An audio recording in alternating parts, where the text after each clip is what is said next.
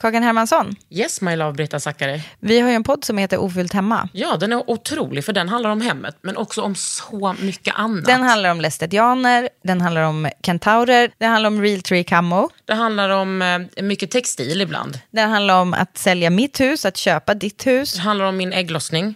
Alltid. Ja. Min också. Tack. Den heter Ofullt hemma och den finns där poddar finns. Hörs i podden, hej då! Millions of people have lost weight with personalized plans from Noom, like Evan, who can't stand salads and still lost 50 pounds. Salads, generally, for most people, are the easy button, right? For me, that wasn't an option. I never really was a salad guy. That's just not who I am. But Noom worked for me. Get your personalized plan today at Noom.com. Real Noom user compensated to provide their story. In four weeks, the typical Noom user can expect to lose one to two pounds per week. Individual results may vary. Idag är Björk här, en ung transkille och pratar om hur det är att vara ja, transperson, feminist, före detta lesbisk. Hur det är liksom att gå från ett community till ett, till ett annat. Väldigt generöst avsnitt. Sit back, relax och lär er något nytt. Hej! Det här är en podd från L. Under huden.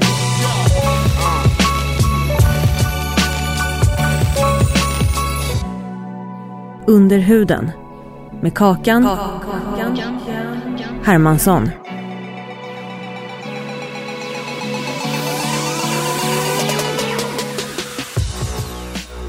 Har du gått ett år på testo? Mm, den 15 september eh, började jag förra året. Fy fan vad gött. Var det, kändes det liksom som en revelation? Du bara äntligen. Ja, verkligen. Gud ja. Det är så jävla lång väntan så att eh, det är ju något man längtar efter så himla länge. Så att, eh, och jag, jag, eh, jag hade egentligen tänkt spara könsceller. Så jag eh, stod i kö för det mm, först i flera månader fast jag fick börja på testo för det ville spara könsceller. Vad gör man när man sparar könsceller? Alltså man tar ut ägg typ eh, och fryser in dem.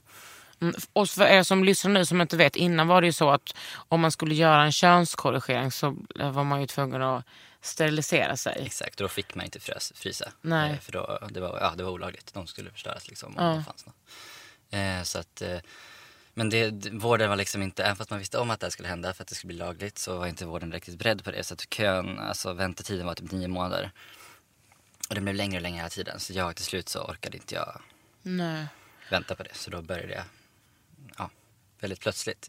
när jag fick Men veta det så för att det handlar ju så himla mycket om vad jag har förstå, förstått om liksom Ja, men det här med att passera, som man pratar om. att passera som det eh, könet man är. Då vill man kanske inte ha en liten, liten pipig röst. Nej, exakt. Det var ju typ det mm, som blir det mest liksom obvious.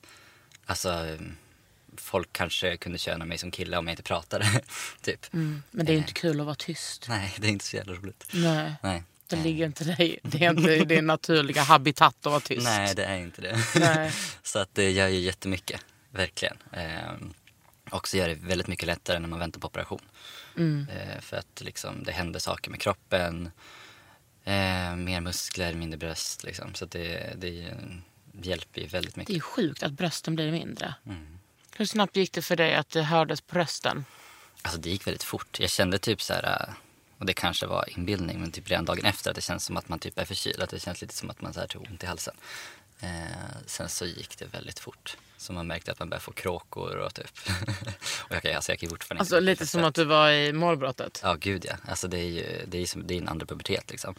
Eh, så det är fortfarande att jag kan typ inte kontrollera min, eh, min röst så bra alls.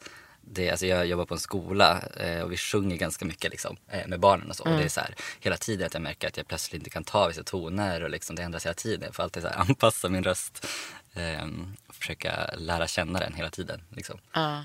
Men det är kanske också lite härligt. Ja, gud ja. Det är jättekul. Vad mer händer med kroppen? Alltså, Eller händer? Du, gör, du tar ju testo hela tiden väl? Mm, jo, precis. Alltså väldigt mycket mer kroppsbehåring. Så jag har fått ja, men, hår på, mycket mer hår på benen och bröstet och magen.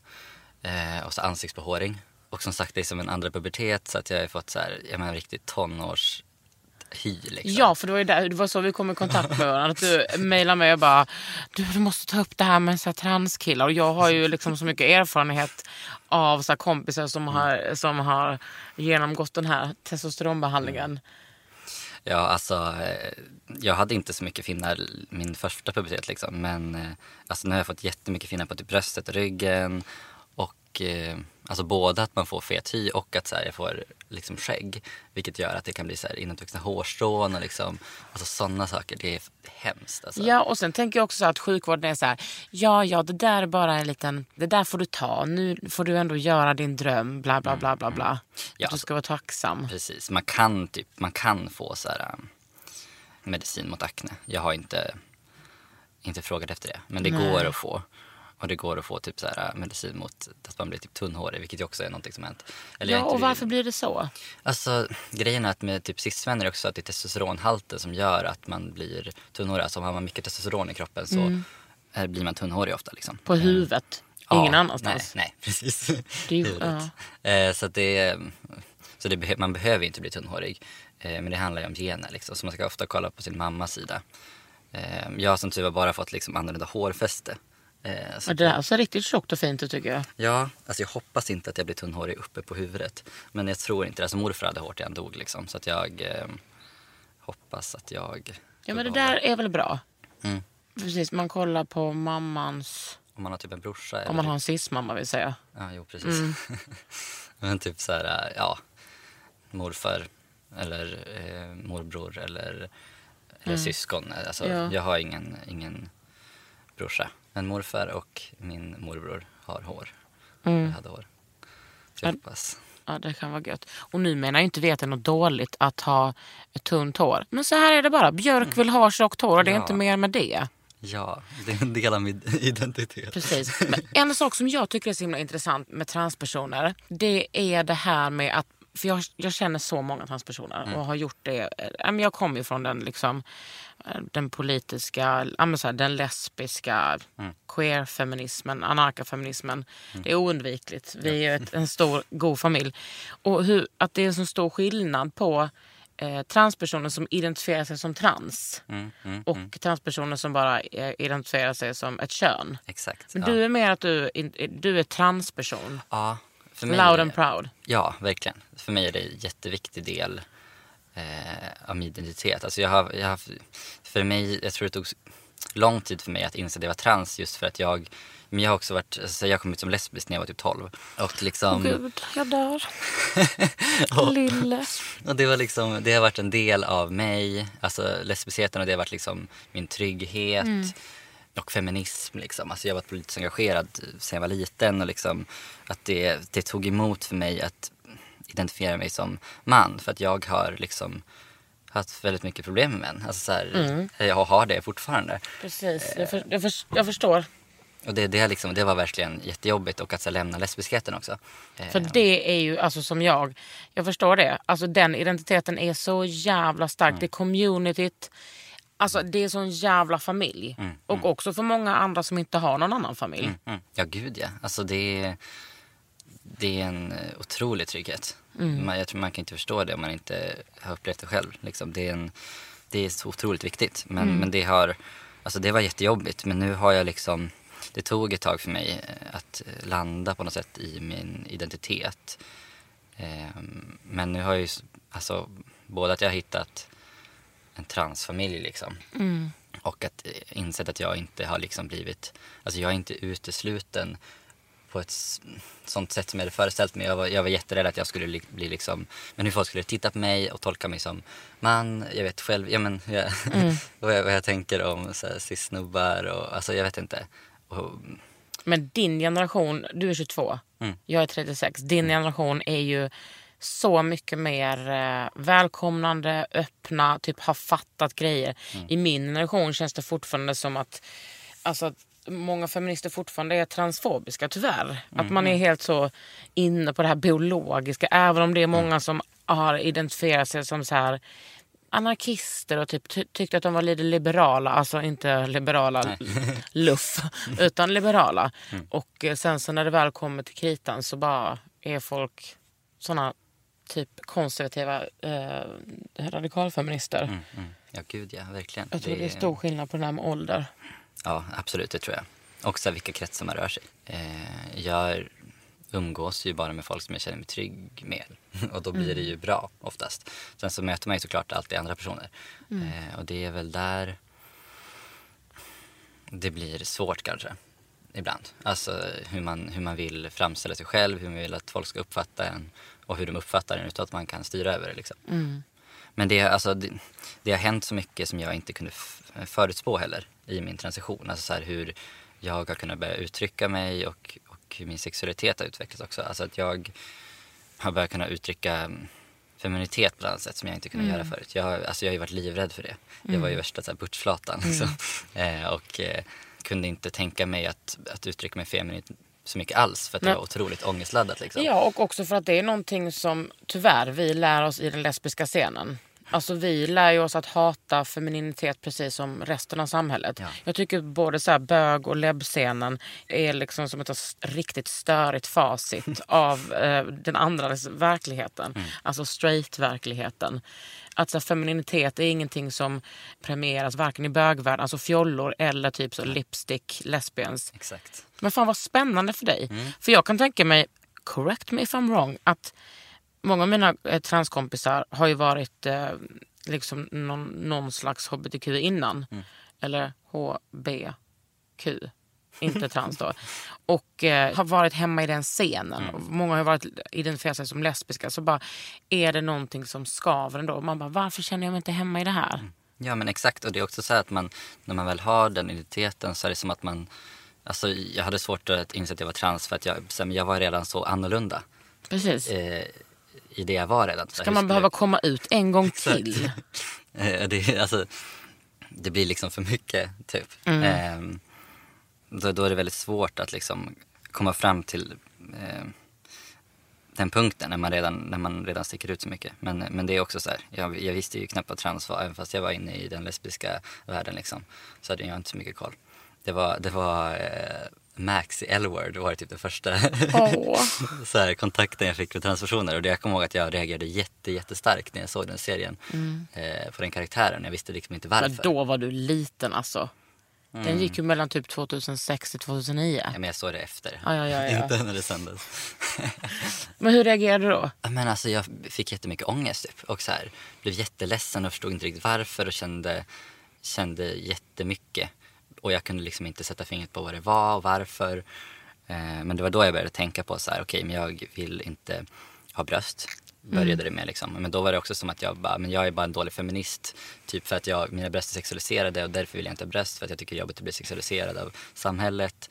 Eh, och, och tryckte liksom undan det. Och så här, jag hade eh, ätstörningar när jag var liten också. Och det var mycket det att så här, ja men det kanske har med det att göra. Blev du provocerad av Max? Alltså jag blir provocerad snarare hur de framställer honom. Och hur de framställer transkillar och det här med att man blir aggressiv på testosteron, vilket ju är en myt. Och hela den alltså bilden av, av eh, vad som händer när man går på hormoner liksom. Det, men det visste jag ju inte då. Men, men eh, efterhand så kan jag ju tänka på det att det var... De framställer det ju ganska, jag vet inte, smaklöst. Ja, sätt. och han får ju också dra hela translasset om man säger så i den serien. När alla andra där är såna välpolerade, flesta vita, framgångsrika, typ eh, cis-lesbianer. Då får han stå för allting Exakt. som inte är det. Ja, och det förstärkte ju också min bild av det här att eh, som lesbisk, eller på något sätt komma ut som trans och hur man blir utesluten av, av det lesbiska communityt. Liksom. För han blev ju jättefrågasatt i serien också. Alltså, så här, att överge sin kvinnlighet och det, den stoltheten i att vara kvinna. Eh, och att, att han liksom svek det på något sätt. Men det är ju också så sjukt transfobiskt. Ja. Stoltheten i att vara kvinna. Då har man inte riktigt förstått. Nej men det, det är ju så tydligt att det inte fanns- fanns någon kunskap. Ja, men kommer du ihåg, liksom, såddes det fl- fler frön efter det? Förutom att du bara, men jag vill inte ha bröst. Ja men det gjorde det ju. Eh, och sen så såg jag om serien och typ, eh, jag kanske sett den tre, fyra gånger eller sånt där. Eh, och då är det som att varje gång har jag på något sätt eh, kunnat, eh, hunnit tänka mer och liksom, det har ändå väckt eh, tankar. Och det absolut, det sådde ju många frön liksom. Sen så trängde jag ju under det. Jag, så. Det, det tog ju lång tid liksom. Kommer du ihåg den dagen du bara, håll i hatten Björk, nu måste du erkänna för dig själv? Ja men typ. Alltså jag, eller jag hade tänkt på det länge. Eh, jag hade snackat med min dåvarande flickvän. Eh, sen så kommer jag ihåg att jag kom hem någon dag. Vi bodde ihop då. Och bara såhär, jag måste typ starta en utredning. Eller, ja. Jag kommer inte ihåg var, var, det, var det kom ifrån. Men jag kommer ihåg att jag kom hem en dag och, och, och sa det liksom. Och vi hade ju pratat om det innan. Och jag hade, det började med att jag köpte en binder och ville testa hur det kändes. Eh, Binder, för er som inte vet, är Man, man, det är liksom en specialgjord, det kan vara linne eller eh, som en stor jävla binda. Som man, alltså, typ som en, en, inte gasbinda, men tänk om du har stukat foten. Fast en jättebred som du binder brösten med. Ja men typ. Ja. Det finns jättemånga olika varianter. Ja. Det finns eh, ja, men som är utformat som typ kläder fast det är liksom värsta presset över, över bröstkorgen så Mm. inte, ja, man ser platt ut liksom. Och så började det där och sen så var det en jättelång process såklart att eh, alltså, först få en remiss skickad. Eh, Hur, går, hur gick du tillväga? Jag kommer inte ihåg om jag först kanske gick till, jag tror jag gick, antingen var det ungdomsmottagningen eller vårdcentralen så jag fick en remiss till HBTQ-hälsan. eh, På SÖS? På SÖS. Och de skickade en remiss till, som det nu heter, Anova, som jag har, jag har utredningarna eh, på Karolinska. Och sen så mm, fick man, vad väntade jag ju i, det är ju jättelång kö. Jag vet att nu, nu ligger kön på typ ett år för att få börja sin utredning. Då var det lite mindre. Men det var många månader. Eh, Och under det, den väntetiden så hinner ju många typ försöka ta livet av sig eller ta livet av sig. Mm. De där köerna är helt absurda. Alltså det, är- det är så jäkla farligt. För att den där väntan är ju så här, Det är ofta så att när man väl har kommit fram till att man vill till exempel börja med hormoner och göra operation. Då, då vill man ju att det ska hända nu. Då har Ja, det varit en så himla lång process redan innan. Att komma fram till det. Mm. Och sen behöva vänta så fruktansvärt länge. Och själva utredningen tar ju jättelång tid. Ehm, det är kö till allt liksom. Men, och det resulterar väl i ofta att folk beställer så här, testosteron på nätet. Eh, olagligt börjat injicera hemma eller plåster eller vad det kan vara. Och det är ju verkligen också, om man kanske är då, inte för att jag menar att alla transpersoner är psykiskt instabila, men vet, det är ju liksom en, en högre risk att må dåligt som transperson. Och just då också är den, men det kan ju innebära jättemycket fara. Och börja hålla på och lajva loss med det hemma. Gud ja. Det är, alltså, det är så himla individuellt också vilka doser man ska ta. Eh, så det kan ju rubba ganska mycket. Eh, sen så alltså, jag förstår ju helt och fullt att man gör det. Det är inte konstigt alls liksom. Men, men det, vården ska ju kunna stå för det. Och det kan den inte i nuläget. Eh, helt och fullt liksom. Vad gjorde du under tiden du behövde vänta?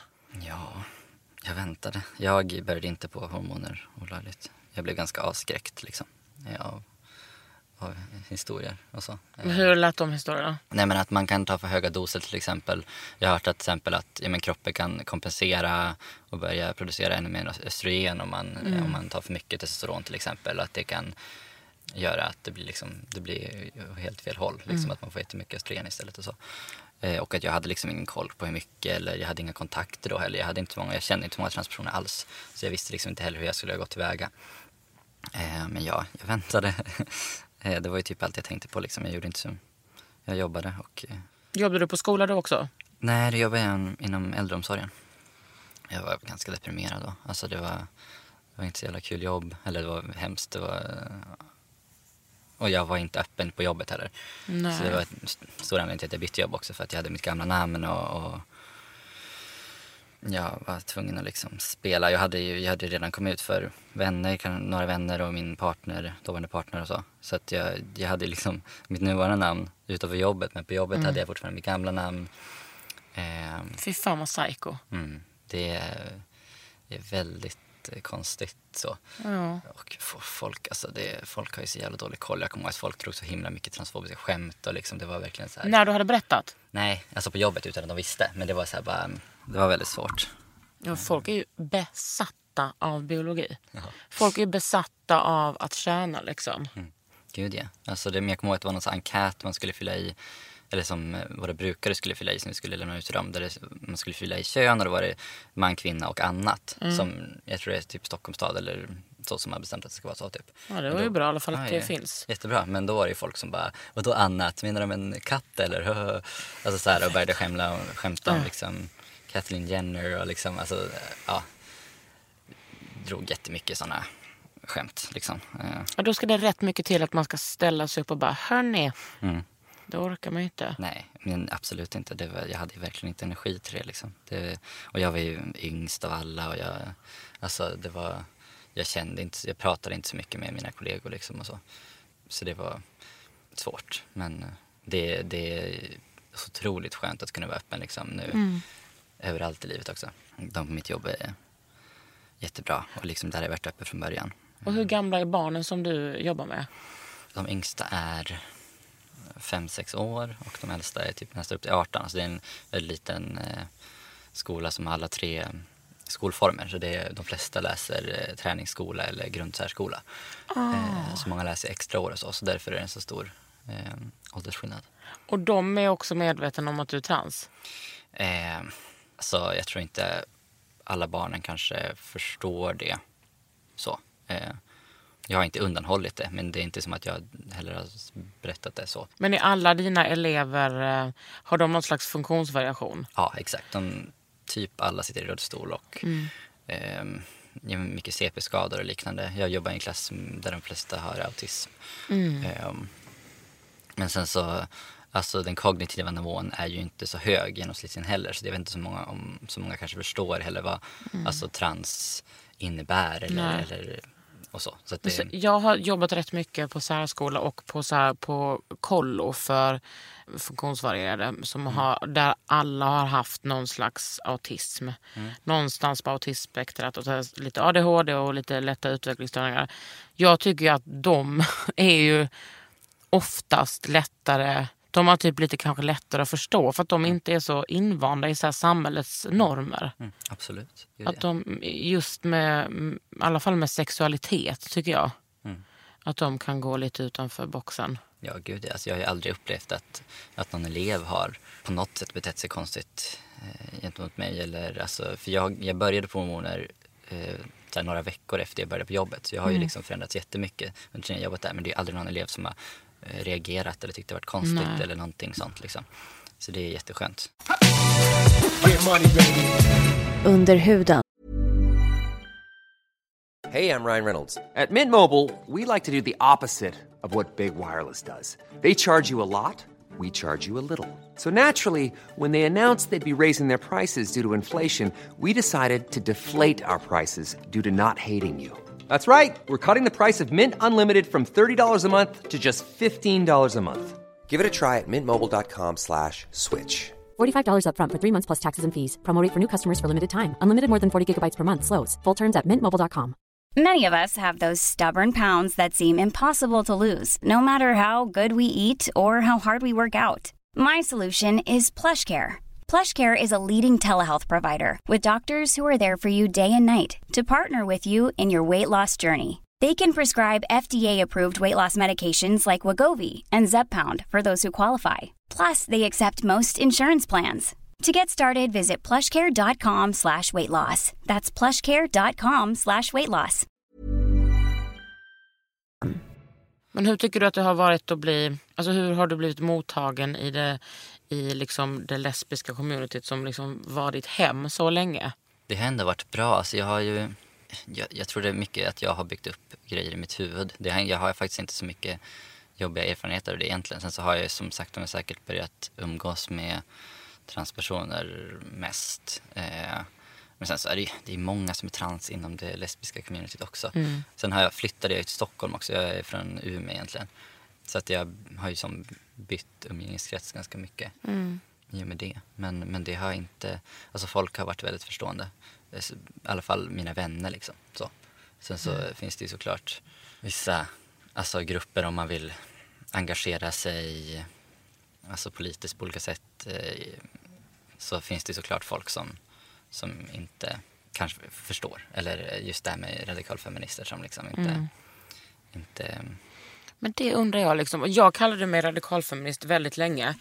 Tills jag förstod att det var så himla många radikalfeminister som var transfoba. Och också att jag ja, men visste att radikalfeminismen har så himla mycket att göra med så vit amerikansk medelklass här, universitetsfeminister som jag inte riktigt har kunnat identifiera mig med. Men jag har ändå tyckt att det har varit så himla många bra feminister som kommer från det hållet. Men nu skäms jag över det.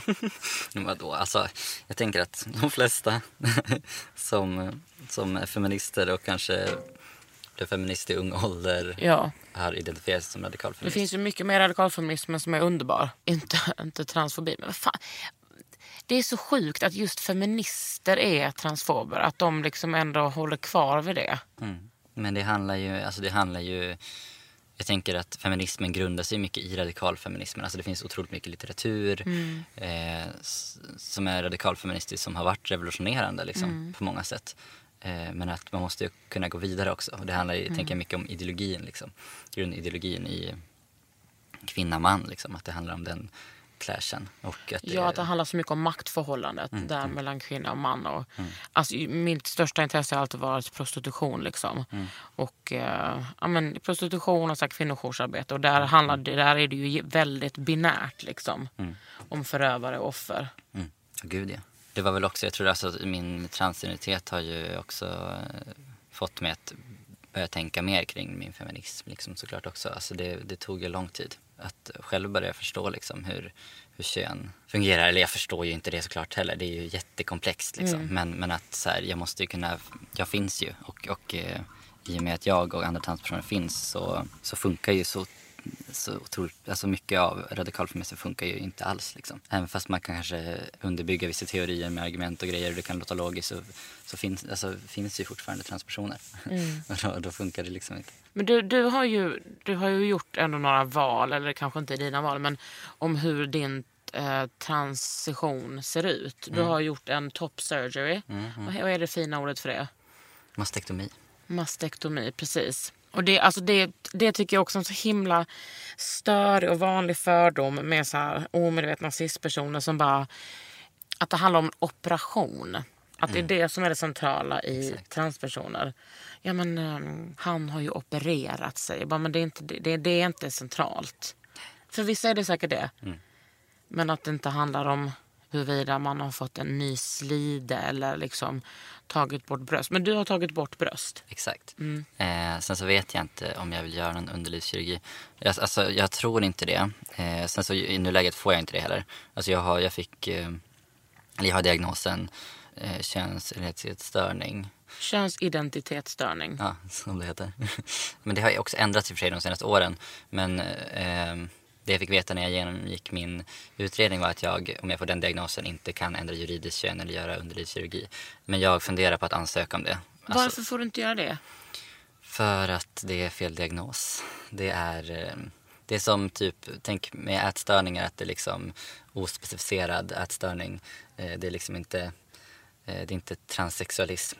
Men vänta, aha, så att Så någon man- läkare har bestämt att du har det istället för transsexualism? Ja, för alltså, det, grejen är att här, på Anova i Stockholm så kan man välja att gå, det finns två olika sorters utredningar. Antingen att, alltså en binär utredning där man liksom, det är mer transsexualism och att ansöka till Rättsliga rådet om att få ändra ju- juridiskt kön och så. Men jag genomgick den eh, icke-binära. För att alltså, när jag kom ut och började min utredning så tänkte jag på mig själv mer som icke-binär. Nu är jag identifierad mer som binär, fast kanske inte helt. Men det, alltså det är så pass komplext, jag brukar kanske inte, jag brukar inte gå in på det egentligen med Nej. folk som jag träffar så. Men, Bra att du tar din podd då. eh, men, eh, men eh, och jag bryr mig inte jättemycket om mitt juridiska kön egentligen. Alltså jag tycker inte det är jättejobbigt så att jag fortfarande har ett kvinnligt juridiskt kön. Men, men det, det är mycket att det kan så här, uppstå problem om man reser eller eh, jag vet, jag har kompisar som till exempel, eh, alltså när man ringer till exempel till banken och så att de inte Eftersom att de ser ett kvinnligt juridiskt kön och kanske hör en mörk röst så kan de inte, då litar de inte på att det är rätt person och sådana saker. Så att man kan få jättemycket problem. Men det här känns ju otroligt konservativt. Det här är ju någonting som måste försvinna bort. Ja, gud ja. Men folk vet ju inte. Folk har inte koll. Men ja, jag vet inte. Jag funderar på att, på att eh, göra det. Det är bara att jag, det är en sån jäkla jobbig eh, process att byta juridiskt kön. För man måste ju typ ringa upp typ alla ställen, alltså försäkringar, bank, eh, gymkort, allt liksom. Och säga att man har bytt eh, personnummer och så. Och eh, alltså jag, blir typ, jag är typ rädd att jag ska typ gå in i väggen eller Ja. någonting. Alltså, för att det är så jäkla jobbig grej. Men jag funderar på att göra det ändå för att jag tror det kommer bli lättare i framtiden. Ehm, Det är mitt första minne från min kontakt med eh, transvården. Jag har en kompis vars eh, brorsa var trans. Och att då var det så här, hon bara, det enda han gör är att sitta i telefon. Varje dag, varje dag. Och pluggar något sånt sjukt seriöst samtidigt. Varje dag så satt han liksom bara i telefon hela tiden. Jag bara, jaha. Och detta var jävligt länge sedan. Det var ju eh, 16 år sedan. Men man, man, måste, och man måste också liksom ändra eh, juridiken för att få göra en underlivskirurgi. Så jag, om jag vill göra underlivskirurgi så måste jag ha, eh, byta juridiskt kön. Jag vet inte om jag vill göra det än. Eh, jag är inte säker på det. Men, men jag, ja, om jag nu bestämmer mig för att göra det så är det ju mycket lättare med redan har bytt juridiskt kön också. Men måste du göra en utredning till då? Nej, alltså jag trodde typ det. För att det var så det framställdes när jag, när jag eh, började min utredning så sa min läkare det att så här, okej, men om du vill göra underlivskirurgi eller byta juridiskt kön så måste du se det nu så att vi kan göra den utredningen liksom. Eh, och då, jag, jag trodde att det typ var kört eller att jag skulle behöva en utredning till. Men jag var, träffade min läkare för några veckor sedan och då sa hon att ja, först måste man ha levt som det könet som man ska byta till Men snälla rara. i ett år eh, och presenterat sig som man då eh, i minst ett år för att hon ska kunna ställa sig bakom helt i ansökan till Rättsliga rådet. Så att typ, ja, hon säger att i december så kan hon ställa sig det bakom mig fullt i det. Men jag kan göra det i alla fall, jag kan ansöka. Men ja, man måste ha levt, eller presenterat sig då som, och levt som Upplever du liksom att, eh, förutom att transvården är så jävla långsam och i sig då blir transfobisk, upp, hur upplever du dina, alltså vården, alltså läkarna och sådär? Alltså min läkare tycker jag har varit jättebra faktiskt. Jag, jag hade inga höga förväntningar alls för man har hört så himla mycket. Men i Stockholm så är de ganska bra, alltså i bemötandet i alla fall skulle jag säga. Det jag har upplevt. Sen så är det ju såklart olika. Sen så runt om i landet så är det inte alls lika bra. Men jag tror att Anova här i Stockholm är väl några av de som ligger längst fram. Men just i och med till exempel det här icke-binära projektet som de har. Ehm, För det låter ju bra rent teoretiskt. Ja. Sen, alltså det, det handlar jättemycket om vem man möter också. Jag, alltså jag, men jag tycker min läkare är så, så bra man kan vara som cis och så förstående man kan vara eh, som, som cis. Liksom. Så det värsta är väl köerna skulle jag säga. Alltså väntan och hela liksom, systemet. Så. Men tror du att vi kommer, låt säga om tio år, tror du vi kommer ha fler transpersoner som är läkare på de här utredningarna? Jag hoppas det. Verkligen, jag hoppas det. Och jag, men jag, jag tror det. Alltså det känns som att det händer saker väldigt fort ändå. De senaste åren. Bara sen jag kom ut som trans tycker jag att det hänt saker. Så det, det- alltså, och det skulle ju göra jättemycket såklart. Om man får möta någon som har en förståelse eh, och kunskap kring hur det är liksom. Det är ju jättesvårt som cis att förstå vad det innebär att vara trans. och Typ hur dysfori känns och så. Det går liksom inte att föreställa sig hur det är. Eh, om man inte upplevt det själv. Så det, det skulle ju vara jättemycket lättare om det var transpersoner som var läkare. Ja, det vet man ju bara när jag träffar lesbiska, i, när jag är i kontakt med vården. Att man bara, "Huh, då kan man så släppa garden. Och slippa få massa äckliga jävla kommentarer. Men också som vi tror i Sverige att vi, inte- att vi lever så jävla fint och jämställt. Och att här, transpersoner bara traskar iväg till transvården och sen är det ingenting mer med det. Det är ju en jävla kamp liksom. Eh, så det, men det skulle ju behövas, alltså att kunna möta transpersoner i vården överallt skulle ju vara, alltså typ eh, gynekologer till exempel. Den grejen är ju jätteladdad. Alltså det är så otroligt många transpersoner som inte går och gör, tar cellprov till exempel. För att det är så otroligt ångestladdat. Man vet inte vad man möter för reaktioner och hur folk mot, på mottagningen tittar på en eller så. Det skulle vara så jäkla skönt eh, om det fanns Alltså inte bara...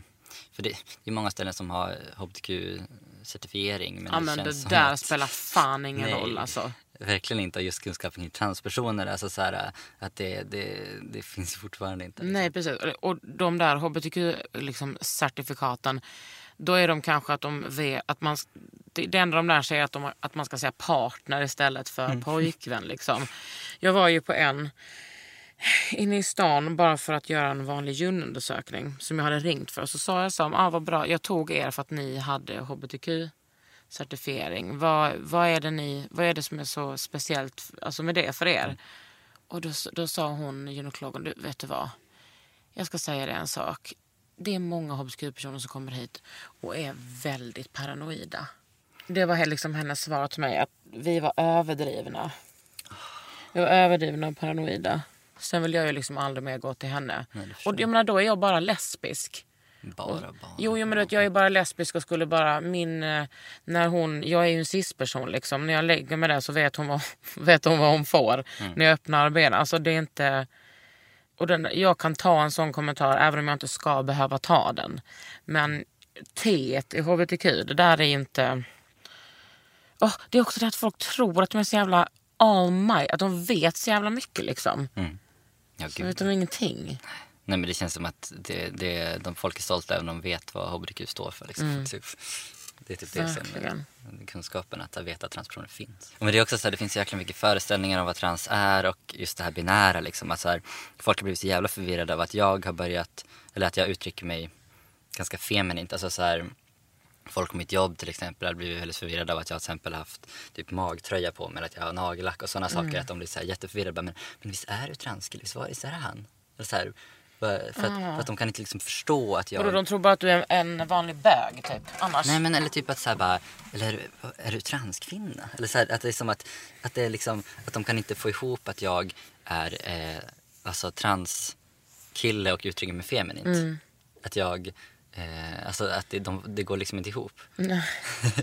Nej, det blir för mycket för dem. Ja. Hur skulle du säga att din, din eh, psykiska ohälsa har utvecklats från att du kanske började spekulera i om du var trans? Alltså jättemycket. Jag, alltså, jag har haft problem med ångest, depressioner och, och ätstörningar och allt möjligt sen jag var liten. Liksom. Alltså, det har varit, eh, eller det är väl fortfarande närvarande på vissa sätt, men det har alltid varit eh, någonting jag har eh, kämpat med. Liksom. Men det har blivit jättemycket bättre. Eh, och det har också att göra med att jag äter medicin. Eh, men, men, men det har... Eh, Antidepp. ja, precis. Shout out. 15 år, Kakan Hermansson. Mm. Ja, alltså, jag vet inte vad jag skulle ha gjort om inte jag... Nej, inte jag heller. Det är så jävla underbart. Gud, det är typ det bästa. Jag har gått så jävla mycket terapi men alltså medicinen är ju uteslutande det som hjälper mest. Men såklart, alltså förutom att gå, alltså genomgå min transition, liksom, det, det har ju hjälpt mig jättemycket. Att bara kunna, alltså, det, det är så svårt att förklara men att så här, kunna röra sig i, på allmänna platser, träffa människor, Eh, presentera sig. Eh, sen så är man ju alltid på helspänd i, alltså, jag är alltid på helspänd eh, för att jag tänker att folk ska felköra mig och det händer ju fortfarande liksom. Eh, Men, men att det, man kan slappna av på ett helt annat sätt. Ja, och vad den felkörningen res- kan resultera i, tänker jag. För att eh, transpersoner är så himla utsatta för våld. Mm. Ja gud, alltså man är ju rädd liksom. och det är jag ju van vid sen innan också. Att, alltså, så här, vara öppet lesbisk på något sätt. Alltså, det, det är en konstant rädsla om man är ute med en partner och så också. Liksom, Eller har varit. Men nu är det ju andra rädslor. Och att jag så här, uppfattas som man av många och uttrycker mig feminint är också någonting jag kan vara ganska rädd för. Alltså, Det förstår jag. ehm, Så det, är- alltså, det är ju, alla hbtq-personer lever ju alltid med den rädslan liksom, tyvärr. Ehm, Verkligen. Alltid. Åh, det här när folk frågar när man kommer ut. Man bara, vet vad? Jag kommer ut, jag kommer ut varje dag. Nästan varje dag är det någonting. Uh. Det hörde mig själv säga partner typ häromdagen. Jag bara, va? Vem är jag? Jag, skulle all, jag hatar när folk säger partner alltså om min flickvän. Bara, varför ska, det är min flickvän, varför ska jag säga partner? Usch, jag blev besviken på mig själv. Ja, men det är när man bara inte orkar. Nej men så är det ju. Alltså det, gud, jag... Och det är så jävla hemskt för att man, att man kan känna så dåligt samvete tycker jag när man inte orkar vara öppen. Precis, och bara, jag svek hela mitt community. och det är ju så här, såklart man inte ska känna skuld för det. För att man vet aldrig hur folk ska reagera. Mm. Och folk kan reagera så jävla... Alltså det, man måste ju ta den där jävla debatten hela tiden Mm. liksom. Alltså man får så konstiga frågor att det... Alltså så här, folk som... Alltså så här, haft diskussioner med folk kring så här, varför finns transpersoner? Det är en, det är en hormonstörning i, i, vid... eh, I åttonde månaden. Ja, det är någonting som så här, pratar om biologiska faktorer till varför jag finns. Alltså jag vill inte ha den diskussionen. Va? Alltså att folk ens kan säga sådana saker. Folk frågar sig, men är du säker på att du vill operera dig? Alltså, såna, alltså hur kan... Alltså det, respekten finns inte. Och folk förstår inte. Alltså folk frågar sådana saker som man... man alltså jag förstår inte hur, hur folk kan eh, fråga sånt utan att tänka efter. Att det är självklart man får fråga sådana saker kring operationer, kring Ens fysiska kön liksom. Mm. Men så här kring sexliv. Alltså, alltså folk blir så jävla förvirrade över sånt också. Alltså det, och sexualitet och liksom. Det fuckar ju med folks syn på sig själva också. Alltså det, är- det är också lite, det är ju, spännande tycker jag det här med, med, alltså, med sexualitet och, och, ehm, och transpersoner. Hur, hur folk blir helt eh, förvirrade i sig själva. Eh, De bara, ja, jag, just det, jag är attraherad av en transperson betyder att jag... Alltså, så här, och jag har alltså i, I och med att jag genomgått min transition så har jag liksom börjat känna attraktion till män. Mm. Vilket jag, alltså, så här, det, var, det var inget i min tanke ens innan. Nej men det känns så vanligt bland transkillar. Ja, Det är så vanligt. Ja, det är jättevanligt. Eh, och det, folk vet inte det. Nej, men en- det tänker jag också är så här. Har, har han identifierat sig som homo hela sitt liv? Ska man då plötsligt vara straight? Nej, alltså jag har så otroligt svårt att se mig själv som straight snubbe. Alltså, Jag blev jätteförvirrad själv Mm. när jag så här, plötsligt eh, kunde tända på personer som jag inte alls har tänt på förut. Liksom. Men det är ju ganska logiskt egentligen också alltså, på något sätt. Att, att, Mm. Och det är eh, också så jävla gött. Ja. Och det, det är ju ett sånt tydligt facit på att sexualitet är flytande. Mm. Jag tänker också så här, det är ju lyxigt att du får den, du får den möjligheten. Medan Mm. så här, så här cis-heteros är helt livrädda och bara Gud, är det där en bög? Jag blir livrädd. alltså då är det underbart Ja, att det, få den möjligheten. Det äger ju att, att förvirra folk också faktiskt. Men det är alltså så här, det, det är en sån jäkla frihet. Alltså, så jag har inte kanske insett det själv men hur begränsad jag har känt mig också i min sexualitet och i mina uttryck liksom. Och att nu bara, alltså det är en sån lättnad att så här, kunna sätta på mig kläder jag aldrig skulle kunna ha på mig förut. Och kunna liksom, ehm, jag menar ha sex med cis-snubbar. Alltså så här, det, ehm, det, var, det var otroligt ångestladdat förut liksom. Men nu är det någonting som, det, är- ja, men det är en otrolig frihet. Sen så är ju cis-bögar i allmänhet ganska dryga och omedvetna också. Alltså, Du de får säga ju- exakt vad du vill i det här programmet, du vet det. Bra. Ja, ja, ja. Alltså, där får jag man ju- håller med. Det är inte som att cisbögar är per se är typ så äh, feministaktivister. Alltså på ett annat sätt än faktiskt lesbiska är. Gud ja.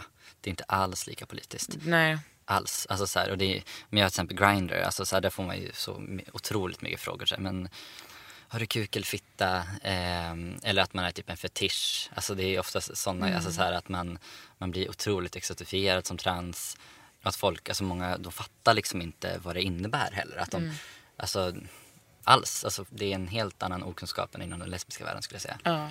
Jag hoppas att alla typ cis-heteros som lyssnar på det här, ja också cis-homosar, bara tänker så här att ni har lärt er någonting. Det är så jävla generöst med alla personer som kommer hit, att du kommer hit och bara berättar om ditt liv. Och det ska vi också stryka under, det här är ju Björk och det är ju hans resa. Alla transpersoners resor ser ju såklart inte likadana ut. Självklart. Det tror jag att ni förstår också. Men nu har du lyssnat på Under huden med mig, Kakan Hermansson och Björk Markström. tack för att du kom och delade med dig. Tack själv, det var jätteroligt. Under huden med Kakan Hermansson. En podd från L.